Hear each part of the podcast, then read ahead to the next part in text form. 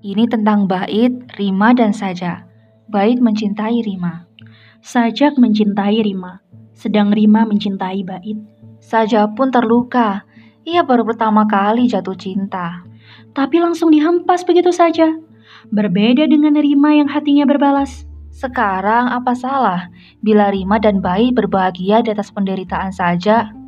Apa Rima patut dipersalahkan? Atau justru sajalah yang salah di sini? Sajak, sajak. Kenapa sih kamu harus jatuh cinta sama Rima? Patah hati kan sekarang? Mau gimana lagi? Hati kan gak bisa memilih mau jatuh cinta sama siapa. Lalu sekarang siapa yang patut dipersalahkan? Hati Rima. Hati sajak. Atau hati kamu? Ah, muak aku dengan segala isi hati dan kepala. Ini bukan tentang siapa yang salah. Setiap hati bebas memilih kepada siapa dia jatuh cinta. Klise bukan? Jadi, apakah kamu Rima, Bait, dan Sajak